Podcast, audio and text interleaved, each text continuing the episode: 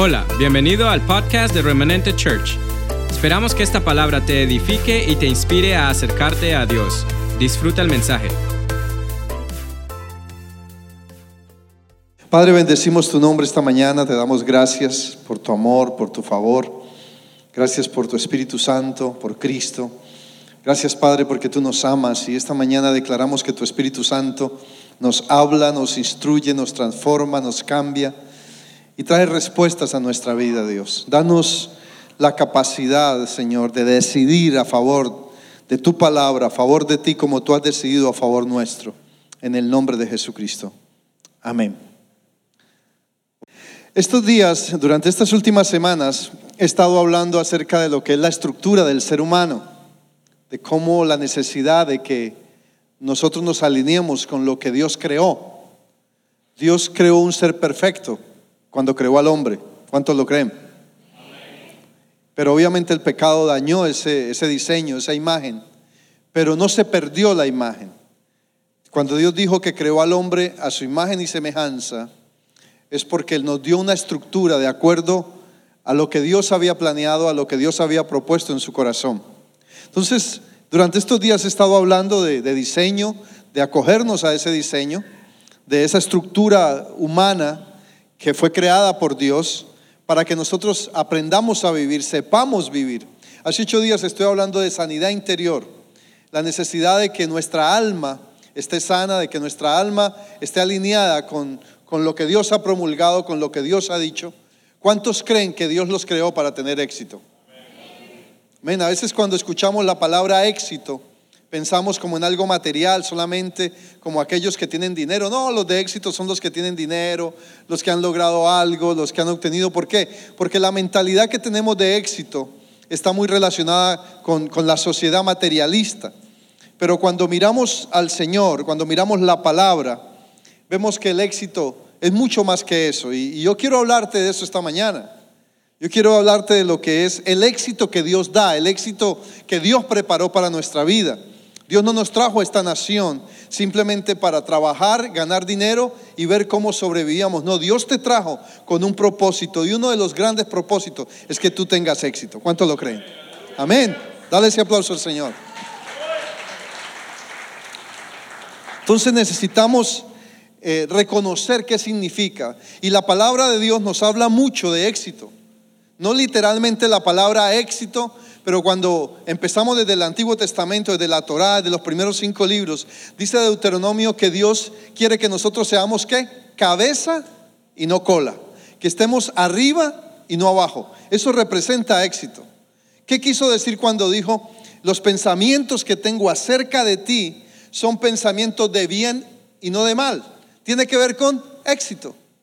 Amado, yo deseo que seas prosperado, que tengas éxito en todo en tu salud, como qué, como prospera tu alma, como tiene éxito tu alma. Entonces fuimos creados para tener éxito, el éxito que Dios da. Y hoy por hoy, créame, ahí eh, el hombre trabaja mucho en función de tener éxito.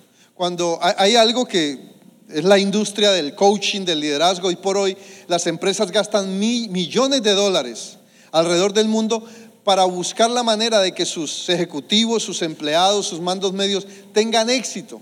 Y cuando tú exploras todo lo, que este movimiento trae, tiene que ver con principios bíblicos, tiene que ver con la palabra, tiene que ver con principios basados en la palabra. Si nosotros queremos hablar de éxito, no es sino que nos metamos a proverbios.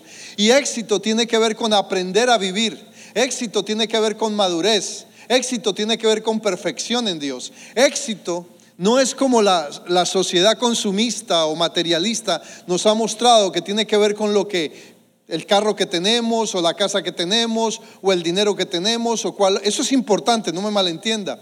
Pero éxito tiene que ver con lo que la palabra ha determinado, con lo que Dios ha establecido. Y hoy, hoy quiero hablarte de eso. Hoy quiero hablarte del éxito que tú tienes, eh, al cual tú tienes derecho. Dice, eh, en, vamos a Filipenses capítulo 4. Y vamos a mirar cómo Dios nos, nos plantea de muchas maneras el que nosotros caminemos una vida de éxito. Los cristianos estamos llamados, somos los seres sobre la tierra para caminar en éxito, para tener desarrollo, para avanzar, para alcanzar. Y como les decía, hoy hay mucho motivador, hay muchas personas que están buscando cómo llevar a las personas, cómo mentorear a las personas, darles una mentoría, una asesoría de cómo alcanzar éxito. Eh, Filipenses capítulo 4. Filipenses capítulo 4, versículo 8 dice, por lo demás, hermanos, cada que yo nombre una frase aquí, usted va a pensar en éxito. Todo lo que es verdadero, todo lo que es honesto, tiene que ver con éxito. Todo lo que es justo, tiene que ver con éxito. Todo lo que es puro, todo lo amable, tiene que ver con éxito. Todo lo que es de buen nombre, tiene que ver con éxito. Si hay virtud alguna, si hay éxito, esto es digno de alabanza. En esto, pensar. Entonces, cuando estamos hablando de esto, tenemos que ver lo que representa la voluntad de Dios sobre nuestras vidas. El éxito para muchos tiene que ver con lo material. Para el mundo el éxito tiene que ver con lo que las personas alcanzan, con lo que proyectan. Pero ¿dónde realmente se genera el éxito? Y, realmente cuando hablamos de éxito, el verdadero éxito comienza cuando mi corazón, mi espíritu y el espíritu de Dios se alinean de tal forma que es como la plomada, que alinea nuestra vida con la palabra, con lo que Dios ha dicho, con la voluntad de Dios. En otras palabras, hablar de éxito parte del corazón, parte de la mente, parte de mi interior. No, no, del diagnóstico del éxito. No. E, es bueno tener cosas, eso es un, digámoslo así, una muestra de que personas han tenido éxito. Pero acuérdate, hay personas que pueden tener mucho materialmente, pero su vida, sus hogares, sus matrimonios no lo representan. Hace un tiempo una persona me preguntó, pastor, ¿cuál es la clave de su éxito? Y, me sorprendió cuando me dijo eso. Me dijo, alguna vez he mencionado esto, yo dije, éxito. Me cogió como con los pies descalzos. y éxito, me dijo, sí, usted tiene éxito. Yo veo que usted tiene éxito. Le dije, bueno, no, no lo había mirado así. Me dijo, pero ¿cuál es la clave? Dígame. Yo dije, si vamos a hablar de éxito, la clave es mi familia. La clave es mi matrimonio, la clave son mis hijos. ¿Por qué? Porque de ahí, de lo que yo soy ahí, es que realmente voy a proyectar hacia lo que hago, hacia lo que soy. No es tanto lo que tengo, lo que haya conseguido o lo que hayas conseguido. Es que mi corazón esté alineado con principios, que esos principios hacen que todo lo que rodea mi vida, que cada institución de mi vida, porque déjeme decirle, usted tiene instituciones en su vida. Su familia es una institución. Su trabajo es una institución. Sus relaciones son una institución. Sus negocios son una institución. Entonces, éxito se refleja cuando mi corazón está alineado con cada una de esas instituciones. Cuando el centro de cada una de esas instituciones es lo que hay en mi corazón, es lo que Dios ha depositado en mí, parte de lo que Dios ha hecho en mi vida. Ahí podríamos hablar del éxito que Dios da. Y en el cristiano debemos enfocar el éxito en descubrir que la voluntad de Dios.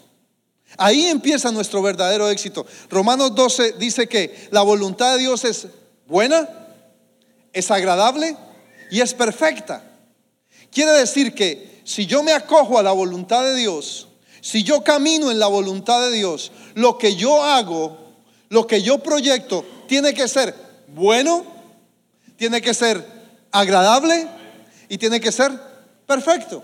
Ahora, cuando hablamos de perfecto, estamos hablando realmente de madurez.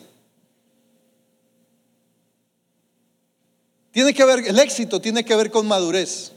El éxito tiene que ver con que mi vida no se quede estacionada en la misma etapa donde llegué, por ejemplo, a este país.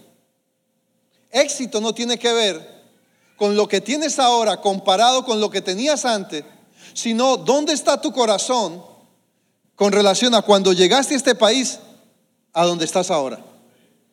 Porque eso tiene que haber tiene que haber existido un trayecto que te llevó a una madurez. Entonces, La pregunta no es cuánto has conseguido, sino estoy en mi condición, en la condición de mi corazón.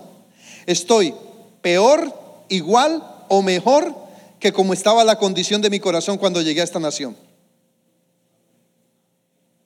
Diga ay, diga amén, diga algo.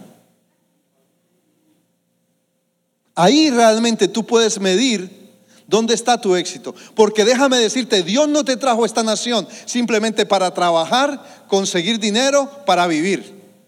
Eso hace parte. Pero Dios no te trajo a eso. Dios te trajo con un propósito. Y que ese propósito te llevara a perfeccionar, a vivir una vida buena, agradable y perfecta. Amén. Entonces estamos hablando de éxito. Y, cuando miramos el éxito en la vida cristiana, en la iglesia, cuando nos acogemos y entendemos esa voluntad de nuestra vida, entonces caminamos en lo bueno, en lo agradable y lo perfecto y vamos a ver éxito tanto en un pastor, escúcheme, cuando nos acogemos a esa voluntad buena, agradable y perfecta, vamos a ver éxito, igual éxito en un pastor que tiene cinco mil personas en la iglesia como aquel que tiene 50. La diferencia no la hace lo que alcanzas. La diferencia la hace que tú camines en esa voluntad de Dios buena, agradable y perfecta. ¿Y cómo mido eso? Filipenses 4 dice, ¿cómo yo sé que estoy caminando, que mi corazón se está alineando o que mi vida está alineada en dirección a la voluntad de Dios? Cuando yo sé que lo que vivo es agradable, es justo, es de buen nombre, tiene virtud, es digno de alabanza. Porque hay cosas que son buenas pero no tienen buen nombre. Hay cosas que tienen virtud pero no necesariamente son dignas de alabanza. La Biblia dice que hay cosas que tienen virtud en culto voluntario. O sea, cosas que yo decido hacer y ah, suena bien, pero no necesariamente son dignas de alabanza. Entonces, la voluntad de Dios en mi vida tiene que partir de que sea buena, agradable y perfecta. Y lo que la mide es cuánto de todo aquello que yo hago es verdadero. Porque hay cosas que son buenas, pero no son íntegras. Déjeme explicarle esto, y ya he puesto este ejemplo en el pasado. Yo tuve que aprender en este país lo que era íntegro versus lo que era bueno. Déjeme explicárselo de esta manera. Hace muchos años, así como Trek, far, far, far away. Hace muchos años trabajaba en una empresa aquí y yo madrugaba mucho y siempre arrimaba un 7-Eleven del barrio a tomarme un café. En esa época, pues siempre yo, yo no uso azúcar, siempre uso endulzantes. Entonces yo llegaba, tomaba mi café y yo le decía al que administraba el, el 7-Eleven que me regalara Esplenda. Y él me decía, amigo, amigo, amigo. Era lo único que él sabía decir en español. Amigo, take take amigo, take. Y yo cogía cuatro o cinco sobres más y me los llevaba. Y un día yo le dije, y él me decía, y en ese momento Dios me habló y me dijo, esto que estás haciendo es bueno, porque estás preguntando, pero no es íntegro. ¿Cómo así? Sí, no es íntegro, porque tú no estás supuesto a llevarte más bolsas de la que tu café lleva o vas a tomar. Es bueno, pero no es correcto, no es íntegro. Ahí entendí la diferencia de este pasaje. Era bueno, pero no era de buen nombre. ¿Por qué? Porque primero la tienda no es de él. A lo mejor si lo veían haciendo eso y así lo haría con otras cosas, lo echan. Entonces no es agradable. Me, me estoy haciendo entender lo que le estoy diciendo. Entonces, siempre la voluntad de Dios. Por eso es que hay personas que dicen, ay, si no me pasó, era porque Dios no quería. Si me pasa, ah, era que Dios quería. No, Dios no se mueve entre la línea del bien y del mal. Dios se mueve en lo que es íntegro, en lo que es absoluto, en lo que es correcto. Ahí medimos la voluntad de Dios. No podemos medir la voluntad de Dios en si algo bueno me pasa o algo malo me pasa. No. Acuérdese que Dios le dijo a Adán y Eva, no comerás del árbol del bien y del mal, sino del árbol de la vida, lo que es correcto, lo que es íntegro, lo que es absoluto, no lo que es relativo. Entonces hay muchas cosas en nuestra vida que son relativas, pero no son absolutas. Entonces es importante entender que cuando hablamos de éxito, partamos simplemente de las circunstancias y no de la voluntad absoluta de Dios. Y déjame decirle algo, los mandamientos de Dios no son cargosos. Los mandamientos de Dios, hay gente que cree, hay un error en pensar que hacer la voluntad de Dios es un sacrificio. No, es que eso es muy duro, no es que eso es muy difícil. En el momento que la vida cristiana se me vuelve cargosa, no es de Dios. Ahí no está Dios. Porque la palabra dice que sus mandamientos no son cargosos. O sea, no me traen carga. Los mandamientos de Dios no son para venir a castigarme, no son para hacerme sufrir, no son para lamentarme. Los mandamientos de Dios son para provocarme una vida buena, agradable y perfecta. Amén. Es, entonces ahí empezamos a hablar de éxito. Y hasta ahora no hemos hablado ni de dinero, ni de lo que tengo, no tienes. No creas que meterse en la voluntad de Dios es meterte en algo que no te va a gustar. No, la voluntad de Dios, cuando te metes en ella, te gusta. Porque es buena, es agradable y es perfecta. Si no es así, entonces no es de Dios. Si lo que vas a hacer para Dios o de parte de Dios no es bueno, no es agradable y no es perfecto, entonces no es de Dios. Hello. Simple. Simple. ¿Cómo estás? No, aquí sufriendo. Señor me tiene así. No. ¿Es bueno? No, pues no, porque estoy sufriendo. ¿Es agradable? No, no me agrada mucho. ¿Es perfecto? No, yo no hago sino sufrir. Entonces no es de Dios. Entonces, la palabra de Dios dice enfáticamente en Romanos 12:2 que no nos conformemos a este siglo, dice, o sea, a este sistema. Porque el sistema, escúcheme, cuando nosotros nos necesitamos conocer el sistema en que vivimos, necesitamos aprender a vivir en el sistema que nos rodea, pero no podemos dejar que el sistema nos controle. Dice que no nos conformemos al sistema, o sea, no, no dejes que tu vida se adapte al sistema de tal manera que el sistema sea el que gobierne tu vida, sino que nos transformemos. Entonces, cuando hablamos de tener éxito, es sacar de nuestra mente la, la filosofía de éxito que el sistema me ofrece. Y este sistema me ofrece una filosofía de éxito basado en lo que consigo basado en lo que tengo, basado en el carro que manejo, basado en la casa que, en que vivo. Y no me, no me malentienda, eso es bueno, pero no es el fundamento del éxito que la palabra habla.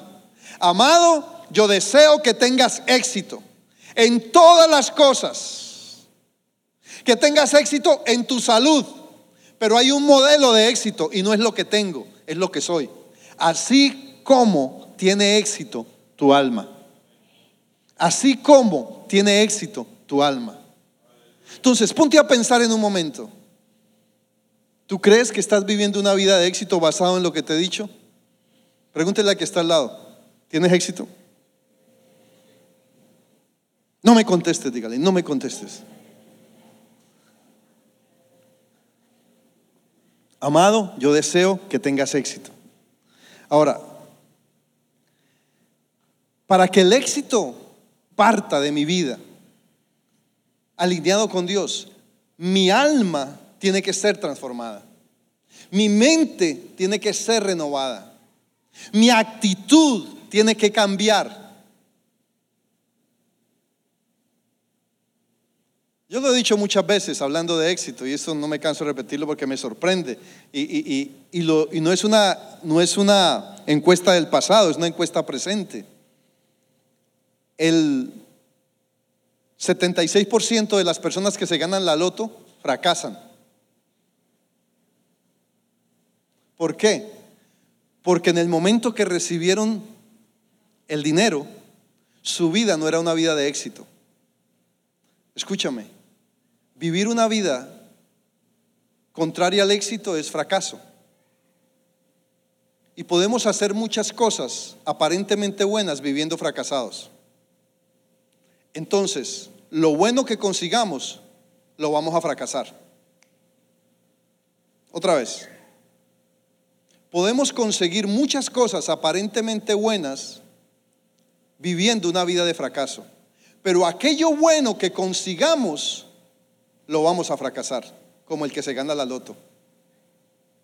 ¿Por qué fracasaron? Porque su vida no era una vida de éxito. Simplemente hubo un golpe de suerte.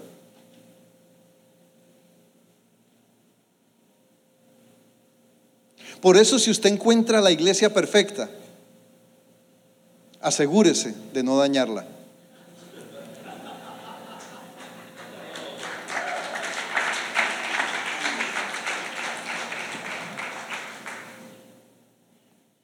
El éxito depende de dos cosas simples. Estoy hablando del éxito bíblico, del éxito que Dios propone, nos da, no propone nos entrega. Lo primero es buscar la voluntad de Dios. De ahí tiene que partir el éxito. Si tu éxito no está partiendo de ahí, en cualquier momento puede fracasar. Y en segundo lugar, que con todo mi corazón yo haga fructificar lo que Dios me ha entregado. Eso es éxito. Si lo que Dios te ha dado, o si tú no eres una persona que lleva una vida de fruto, revisa tu éxito. Porque el éxito de Dios nos mantiene en un constante, en una constante fructificación. Fuimos creados para ello. Porque Dios creó al hombre para qué? Para fructificar. Desde el principio Dice, hagamos al hombre, ahora le voy a hablar un poco más de eso, a nuestra imagen y semejanza. ¿Para qué? Para que multipliquen, para que subyuguen, para que tengan qué? Éxito, para que den fruto. Desde el principio Dios estaba diciendo, estoy creando al hombre para que tenga éxito. No lo estoy creando para fracasar, pero fracasó. El hombre fracasó, pecó. Pecó. Ahora, hemos hablado de, la voluntad buena, agradable, perfecta. Hemos hablado de lo que es bueno, de lo que es justo, de lo que es íntegro, de lo que es correcto. Hemos hablado de fracaso, hemos hablado de éxito. ¿Cómo entonces comienzo a caminar, a formar el éxito en mi vida a partir de la voluntad de Dios? Hay algo muy importante y esto es clave y tiene que ver con nuestra autoimagen. Por eso, ¿por qué? Porque cuando Dios creó al hombre, en, Génesis, te dije que te iba a hablar más de esto, dice que lo creó a su imagen y semejanza. Y lo hizo para que proyectáramos, cuando está diciendo que fuimos creados a su imagen, fuimos creados para que cuando nos viéramos en un espejo, viéramos la imagen de Dios en nosotros.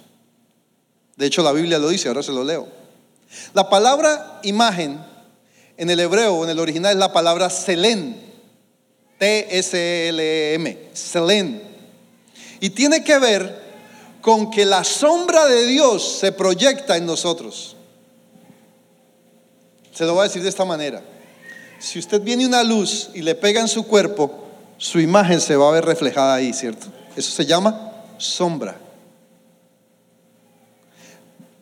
La idea de esa palabra era que cuando Dios nos creara, nosotros proyectáramos la sombra de su imagen. Ese es el sentido de Selem. De que nosotros proyectemos. Ahora, si mi autoimagen está dañada, entonces, ¿qué, es lo que yo voy a proyectar? si no tengo la sombra de Dios?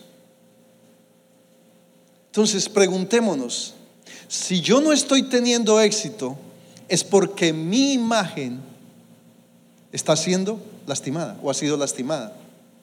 Si a usted le pasaran un papel y un lápiz ahora y le dijeran, dibuje cómo Dios lo ve a usted, ¿qué usted dibujaría? Dibuje un autorretrato.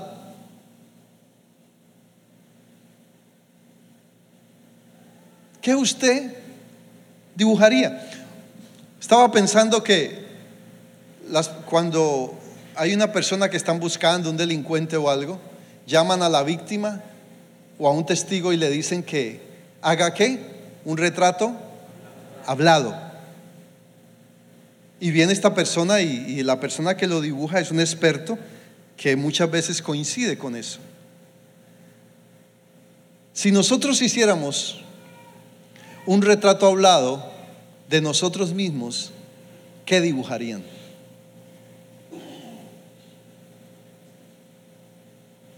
Porque sabe una cosa, hemos caminado en una imagen, escuche esto, de un retrato hablado de lo que otros han dicho de nosotros.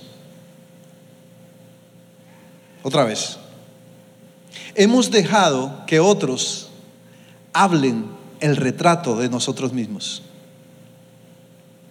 Pero ¿qué si resulta que el retrato de mí mismo lo tengo que hablar yo? ¿Qué dibujaría el experto? ¿Me estoy haciendo entender? ¿Qué dibujaría ese experto si yo le dijera que hiciera un retrato hablado de mí mismo? Mire lo que dice la Biblia en Primera de Corintios capítulo 3, versículo 18. Segunda de Corintios, perdón. Dice, por lo tanto, nosotros todos, ¿quiénes? Todos, mirándonos a cara descubierta, las hermanas sin maquillaje, sin make-up, los hombres también, porque hay quienes ya se echan colorcito para no verse tan pálidos. Mirando a cara descubierta, ¿como en qué? En un espejo. ¿Qué miramos ahí?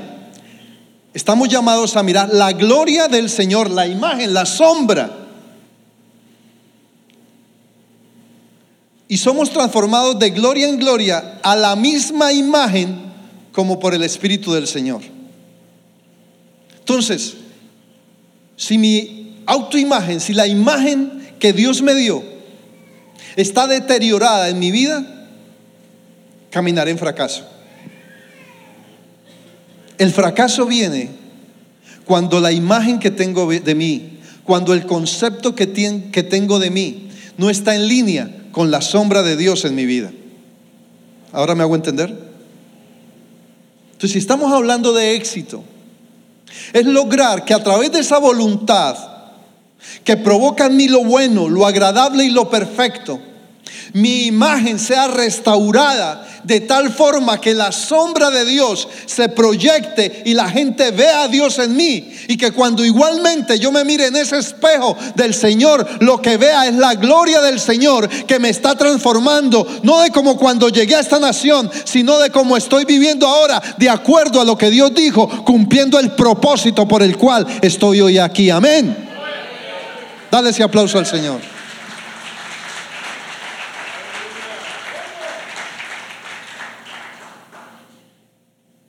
Tu imagen de ti mismo reflejará. Tú no puedes reflejar la imagen de ti mismo que no tienes. Tú no puedes reflejar un retrato hablado de ti mismo de lo que no hay en tu corazón. Todo lo que tú hablarás de ese retrato hablado será lo que hay en tu mente, lo que hay en tu corazón. ¿Por qué? Porque de la abundancia del corazón habla la boca. O sea, el retrato hablado será lo que hay en mi corazón. Y esa es la imagen que tengo de mí. El problema es que fuimos levantados en una cultura donde la imagen nuestra fue deteriorada. a través de temores, a través de inseguridades, a través de circunstancias, a través del maltrato, a través de situaciones que vivimos, a través de fracasos del pasado. Entonces nuestra imagen fue siendo deteriorada. Venimos al Señor y la invitación de Dios es que nos volvamos a la imagen que Él originalmente creó. Esa es la propuesta de Dios. Cuando venimos a Él, el propósito es que tu imagen, la imagen de Dios en tu vida, se refleje y vayas alcanzando esa dimensión de lo bueno, de lo agradable y de lo perfecto. Eso es éxito. Necesitamos borrar en estos días, en estos tiempos, cuando la imagen del hombre está siendo destruida mutuamente a través de la crítica, la murmuración, la calumnia, el pleito verbal. ¿Para qué sirven muchas veces las redes sociales? Para un pleito, verbal. Unos acusan, otros se defienden.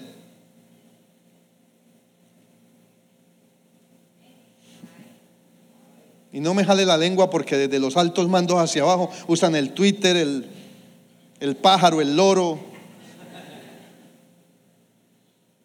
Me estoy haciendo entender lo que te estoy diciendo. Pero nosotros los hijos de Dios fuimos creados para mantener una imagen de acuerdo a lo que Dios dijo, a lo que Dios estableció. Que cuando tú te mires al espejo, normalmente nadie que se mira al espejo se ve feo. Todos nos vemos bonitos. Los gorditos nos vemos delgados, los delgados nos vemos más gorditos. Los negritos nos vemos más blanquitos, los blanquitos queremos ser más negritos. Todos nos vemos diferentes. Pero hay una imagen que es real, que no puede ser diferente, que es la imagen de lo que Dios dijo acerca de ti. Y esa imagen nada ni nadie la puede cambiar. Entonces necesitamos como ponernos en esa plomada de lo que Dios dibujó o sea, hay un instrumento antiguo que no sé si usted ha oído hablar, se llama el pantógrafo. ¿Cuántos han oído hablar del pantógrafo? El pantógrafo, yo alcancé a dibujar con pantógrafo. Era un aparatico que tenía dos puntas de lápiz para hacérselo cuadradito. Entonces yo iba moviendo el dibujo y la otra punta iba haciendo lo mismo porque estaba coordinada. Y salía el dibujo perfecto. Eso era un pantógrafo.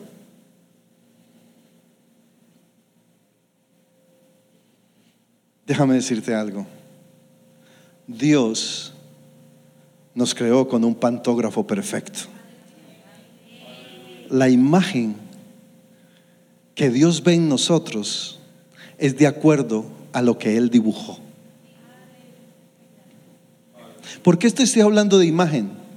Porque si la imagen que tú tienes de ti mismo es una imagen de, de dolor, de baja autoestima, de miedo, de fracaso, entonces no disfrutarás del éxito con el que Dios te creó. Y estamos hablando del éxito que Dios da del éxito que Dios preparó para nosotros en su palabra. Tenemos que caminar en esa dimensión. No podemos los seres humanos seguir caminando en una dimensión de fracaso.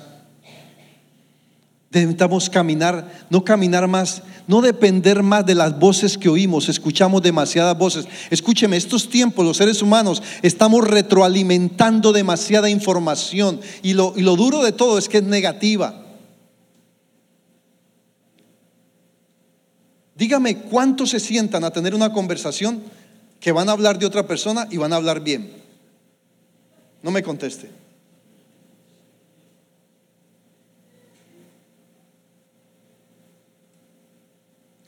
¿Cuántas veces nos sentamos y vamos a hablar de alguien? Y dígame si no, y no nos mintamos si no empezamos hablando de los defectos. Y es nuestro amigo, a veces nuestra esposa, nuestro esposo. Algo, algo le encontramos pero algo negativo tenemos que decir. Aunque a lo último decimos, claro que es buena persona, es buena persona. Como para amortiguar un poquito el tema. Sí, no, no estamos hablando mal de, no, es que es buena persona, es buena persona. Después de que le hemos hecho así, es buena persona. ¿Por qué? Porque nos estamos dañando la autoimagen unos a otros. ¿Y eso llama a qué? Al fracaso. Porque donde se daña la autoimagen, se fracasa. Estamos hablando del éxito del Señor. Entonces, antes de embarcarnos en esa búsqueda sana, bíblica, del éxito, del progreso, debemos ir a la palabra. La palabra es la que contiene esa dimensión. Porque ¿qué cree usted que estaba pensando Dios cuando dijo los pensamientos, Jeremías 29, 11, que lo hemos leído mucho, pero a veces no lo terminamos de dimensionar. Los pensamientos que tengo acerca de ti, Gustavo, porque Dios fue específico. Si usted ve, ahí usa un, verbo, un, adverbio, un, como le quiera llamar, yo, tú, él, nosotros, vosotros, ellos. Pero los pensamientos que tengo ni siquiera dijo de ustedes, porque ustedes pueden ser cualquiera. Pero personalizó, un pronombre es la palabra dijo, los pensamientos que tengo acerca de, de ti. Escúchame, Gustavo. Son pensamientos de bien, o sea, de éxito. No de mal, no de fracaso. Te lo voy a parafrasear. Los pensamientos que tengo, los planes que tengo contigo, Gustavo, son pensamientos de éxito y no de fracaso porque en mi corazón me propuse, dice Dios, darte todo aquello que dije desde el principio. ¿Suena? ¿A qué suena eso? A éxito. ¿Qué cree usted que Dios estaba pensando cuando dijo eso? ¿Sabe que haga ese ejercicio? Cuando usted lea una palabra, cuando usted lea que Dios nos puso por cabeza y no por cola, arriba y no abajo, piense qué quiso decir Dios con eso. ¿Qué me quiso decir? Yo me lo pregunto mucho, porque es que Dios no miente. No es hombre para que mienta, ni hijo de hombre para que se arrepiente. Él dijo y se hará. La palabra habla de todo, la palabra te complementa todo. ¿Qué quiso decir cuando me dijo, no te he dado espíritu de temor ni cobardía, sino de qué? De poder, de amor, de dominio propio. ¿Qué me quiso decir? Cuando me dijo que él deseaba, que el anhelo de él es que yo sea prosperado, que tenga éxito en todo. ¿Qué me quiso decir? ¿Qué te quiso decir? ¿Qué nos quiso decir? Y a medida que estudiamos, que entramos en esto, entonces vamos a producir lo que Él dice. A medida que asimilamos la voluntad de Dios, que es buena, que es agradable, que es perfecta, el fruto que vamos a dar, entonces va a ser igualmente bueno, agradable y perfecto. Amén. Y entonces, las palabras de victoria producen que dice que todo produce según su especie. Entonces, las palabras de victoria, ¿qué producirán? Hello. ¿Qué producen las palabras de victoria? Victoria. Si todo produce según su especie, ¿qué producen las palabras de, sanidad? Sanidad. Si todo produce según su especie, ¿qué producen las palabras de éxito? Y si todo produce según su especie, ¿qué producen las palabras de crítica? Fracaso, derrota. Y esa fue la razón por la que Dios le dijo a, Josué, cuando estaba hablando del éxito, de la voluntad, dijo, nunca se aparte de tu boca. Mire, mire lo bueno que es parafrasear la Biblia. Nunca se aparte, Josué 1.8, 1.9. Nunca se aparte de tu boca, de mi boca, de la tuya, nosotros, vosotros, ellos. Este libro de la ley, sino, y le puso tiempo, que de día y de noche, 24-7, 24-7. ¿Qué harás? Meditarás. ¿En qué? Ok, vamos a mirarlo de esta manera, pongámonos bien dramáticos así. Ok, ¿cómo así? Que mediten esta palabra de día y de noche. ¿Y para qué? ¿Para qué? Viene la respuesta. Para que hagas tener éxito, para que tengas éxito en qué? en tu camino. ¿Para que hagas qué? Prosperar tu camino. Para que hagas conforme a lo que ella está, ¿qué? Escrito. ¿Y todo te salga? Tengo dos opciones. ¿Lo creo o lo dejo? Josué creyó, lo hizo y le funcionó. Usted cree, lo hace y le funciona. Así de simple es esto. La vida cristiana es para disfrutar el viajecito. Pues yo veo mucha gente atormentada en sus mambos, en sus líos, en sus cosas, cuando es tan simple vivir, cuando se vive por esto. Dale ese aplauso al Señor. Cuando esto sucede, entiéndame, cuando entendemos la dimensión, esta dimensión de éxito, enfrentar retos, enfrentar desafíos, será más fácil. Y eso fue lo que pasó con David. Ya voy a terminar. ¿Sabe qué hizo David? David entendió la imagen que él tenía de Dios en él. La autoimagen que David tenía era una autoimagen diferente a la que normalmente sus hermanos o la gente que lo rodeaba tenía. ¿Por qué? Porque cuando él fue a llevar el almuerzo a sus hermanos y vio que este gigante estaba desafiando a los ejércitos del Señor, él ahí mismo pensó, se hizo esa imagen, yo derroté al oso, yo derroté al león y este incircunciso, con este también puedo. Y se la creyó porque la imagen que él tenía era lo que Dios había dicho de él. Y entonces preparó todo. Y cuando él cogió esas cinco piedras para matar a Goliat, él no pensó en más de lo que Dios había dicho acerca de él. Y de la misma fuerza que Dios le había dado para matar al oso y al león, era la misma fuerza que Dios le estaba dando en ese momento para matar al gigante. Por eso David era un hombre de éxito, porque su actitud era conforme a la imagen de Dios en él. El autorretrato que él tenía de él era un autorretrato que cubría la sombra, que era cubierto por la sombra de Dios. Eso cambia las cosas. Eso hace la diferencia. Eso te lleva a enfrentar desafíos. Rápido, si yo quiero tener éxito, pero mi imagen está derrotada, necesito restaurar. ¿Cómo restauro esa imagen, pastor? ¿Cómo hago que esa sombra de Dios se proyecte en mi vida? Fácil, simple, sin fórmulas, ejercicios simples, bíblicos. Lo primero que tienes que hacer es cambiar tu mente renovar tu mente. Yo le hice una predicación un mes que decía, quien cambia, si cambias tu mente, cambian tus resultados. Es empezar a mirar esos pensamientos de derrota, de enfermedad, de tristeza, de dolor, de molestia, de inconformidad y empezar a cambiarlos, a cambiarlos. No es que no siento, es que no es de sentir, es de actuar. Es, proponerte, es ejercitar tu mente en cosas que te bendigan, es ejercitar tu mente en cosas buenas. No ejercites tu mente en los comentarios negativos que escuchas. Cuando tú prestas tus oídos a cosas negativas, estás ejercitando tu mente en lo negativo. Yo le voy a decir algo. Yo aprendí una frase hace muchos años y es fuerte y de vez en cuando la suelto. Como yo soy pastor y a mí llega mucha cosa, mucha información, yo no he dejado que mis oídos se conviertan en basurero de nada. Tus oídos no son basurero de, de ninguna información. Tus oídos fueron creados para escuchar lo que da vida y para desechar lo que da muerte.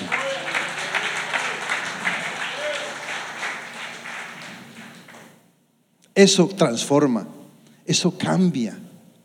Créame. Entonces, renuevo mi mente. Lo otro es que no se preocupe por aprender inglés si su lenguaje no ha cambiado.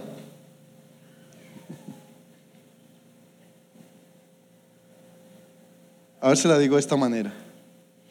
Hay más gente preocupada por aprender inglés que por aprender su español y un español de bendición. Cambie primero su lenguaje, conviértelo a un lenguaje de vida, porque si no terminará creando muerte en español y en inglés.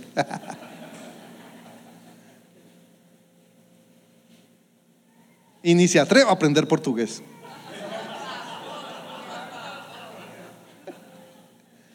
Necesitamos crear un, un, lenguaje. Si yo quiero renovar mi imagen, si yo quiero cambiar la autoimagen que tengo. Tengo que cambiar mi mente, pero también cambiar mis palabras. Mire, se lo voy a poner como ejemplo, no lo tome como tan radical. Nosotros culturalmente manejamos un, un, lenguaje de tanta muerte. Lo digo por, suena como a broma, pero es parte de la cultura. Por ejemplo, ay, estoy muerto del cansancio, porque no puedo estar vivo del cansancio.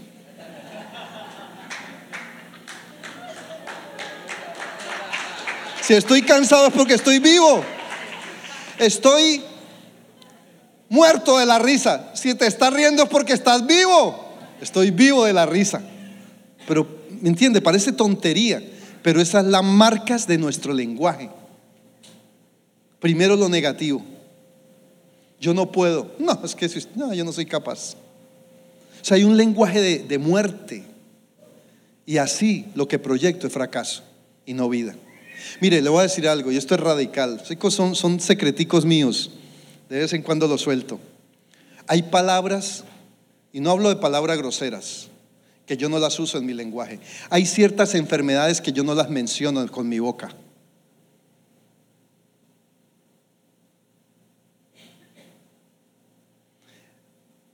Cuando alguien está enfermo dice, mi enfermedad.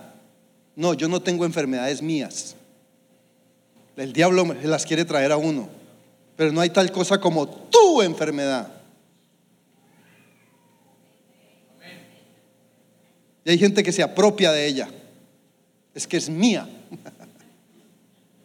¿Me están entendiendo? Le estoy poniendo un ejemplo que parece tonto, porque suena como tonto. Ah, eso ya es exagerado, pastor. Pero es que estamos hablando de crear una cultura que cambie el lenguaje. Necesitamos cambiar nuestro lenguaje como hijos de Dios. Ahí, si usted se pone, mire, el, el, ser humano normal, normalito, pues más o menos inteligentico, tiene la capacidad de hablar 35 mil palabras en todo su lenguaje que maneja. No todos dominamos esas 35 mil palabras, yo no las domino. Hablo de diferentes palabras, no hablo la misma palabra. Diariamente el ser humano puede hablar unas 20 mil palabras. Las mujeres hablan 17 mil, los hombres hablan 5 mil. No lo estoy diciendo por mal, estoy diciendo bien. Es la estadística, no, no estoy atacando a nadie. ¿Ya? No estoy atacando, por favor. Ay, claro, ahí se ríen los hombres. ¡Ah! Había uno que estaba en serio. ¿ah? Las, brasileras, hablan 40 mil, dice Jaime.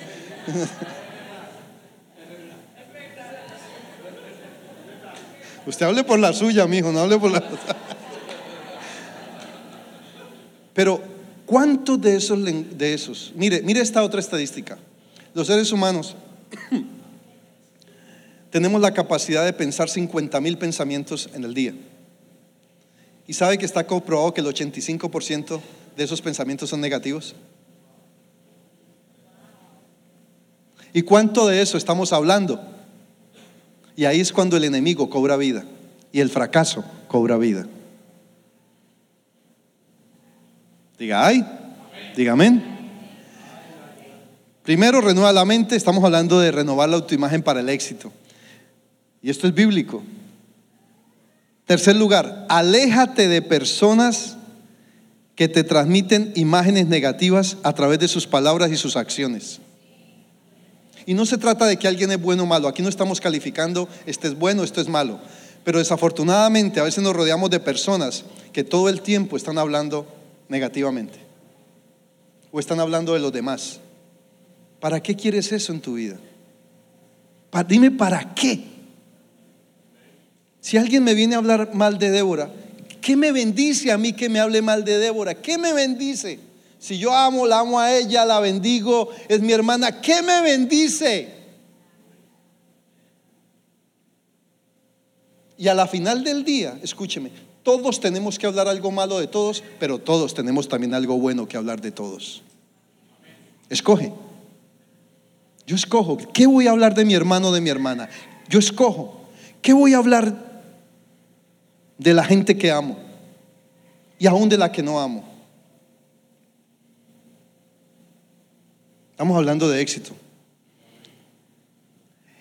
Cuarto lugar, medita en lo bueno que Dios ha hecho por ti, no en lo malo que te ha pasado. Hay gente que parece ambulancia. ¡Ah!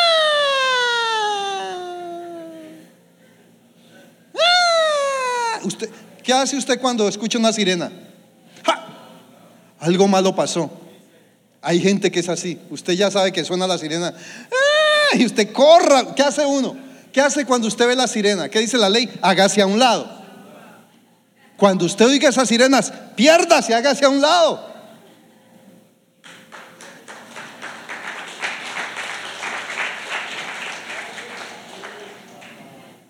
Y lo último, simple.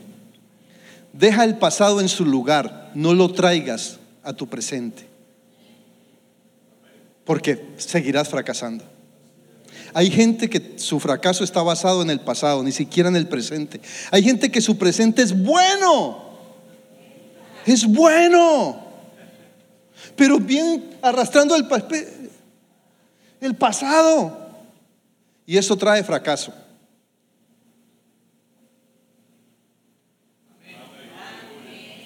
Amén.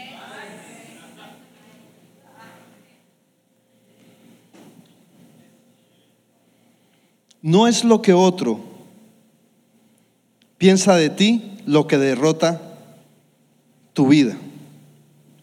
No es lo que otro piensa de ti lo que trae la derrota a tu vida. Es lo que tú mismo piensas de ti lo que te derrota.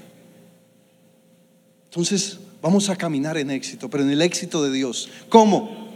Buscando la voluntad de Dios. Porque es buena, es agradable y es perfecta. Dale ese aplauso al Señor. Y termino con esto. Dice Colosenses 9:10, todo lo que Él ponga en tu mano, hazlo, porque en el Seol no encontrarás ni conocimiento ni sabiduría. Amén, ponte de pies. Vamos a decirle al Señor que rompemos toda forma de fracaso en nuestra vida. Renuncia, ¿no? Y si quieres escuchar la prédica otra vez, tenemos un podcast que tiene siete servidores, se llama... Ah, Apple Podcast, Anchor o Anchor, Spotify, Google Podcast y otros tres más. Usted puede buscar ahí Remanente Church y ahí aparecen todas las prédicas. Si quieres escuchar esta prédica, la puedes oír en el teléfono. Es, es audio, no es video. Y es bueno volverla a escuchar, porque nos recuerda lo que, lo que hay que hacer. Necesitamos una vida transformada. Necesitamos fortalecer la estructura que Dios nos entregó, proyectar la sombra de Dios el Selem de Dios. Amén. Vamos a decirle al Señor esta mañana, Señor, cambia mi imagen. Señor, rompe toda forma de fracaso en mi vida.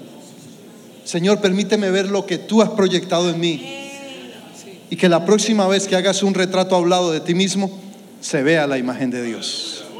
Padre, bendecimos tu nombre esta mañana. Levantamos nuestro ser delante de ti. Renunciamos a toda forma de fracaso a todo lenguaje, a todo pensamiento, a todo pasado que nos trae fracaso. Y declaramos, Señor, que nos acogemos a tu voluntad, que es buena, es agradable y es perfecta, Señor, para caminar en el éxito que tú nos das, que trae fruto, que trae vida. Bendice lo que nos bendice, bendice lo que nos rodea, bendice las personas, Señor. Danos amor, Padre, y poder ser vivir en éxito, así como vive en éxito, viva en éxito nuestra salud, todas nuestras cosas, como nuestra alma, Padre. Bendice cada hermano esta mañana. Yo hablo vida, yo hablo bendición, yo hablo que cada persona que está aquí es gente de éxito, es gente de bendición, es gente especial, es gente marcada por ti. Cada persona que está esta mañana aquí, yo hablo bendición sobre su vida. Yo cancelo toda palabra que se haya levantado contra ti de fracaso, de muerte. Yo condeno toda lengua que en este momento se haya levantado contra ti y la condeno en el nombre de Jesucristo. Rompo toda maldición de fracaso que las palabras han querido traer sobre tu vida. Y libero la vida de Dios, la vida del Espíritu sobre lo que eres. Yo libero el retrato de Dios. Yo hablo ese retrato de Dios sobre ti. Yo hablo el retrato que Dios dibujó. Y así como Dios te describe, eres de bendición, Eres de gracia, eres de favor. Eres bendecido con toda bendición espiritual. Eso es lo que dibuja aquel que hable de ti. En el nombre de Jesucristo. Amén y amén. Gloria a Dios. Esperamos que este mensaje haya sido de bendición. No te olvides de suscribirte a nuestro podcast y seguirnos en Facebook e Instagram arroba remanente church.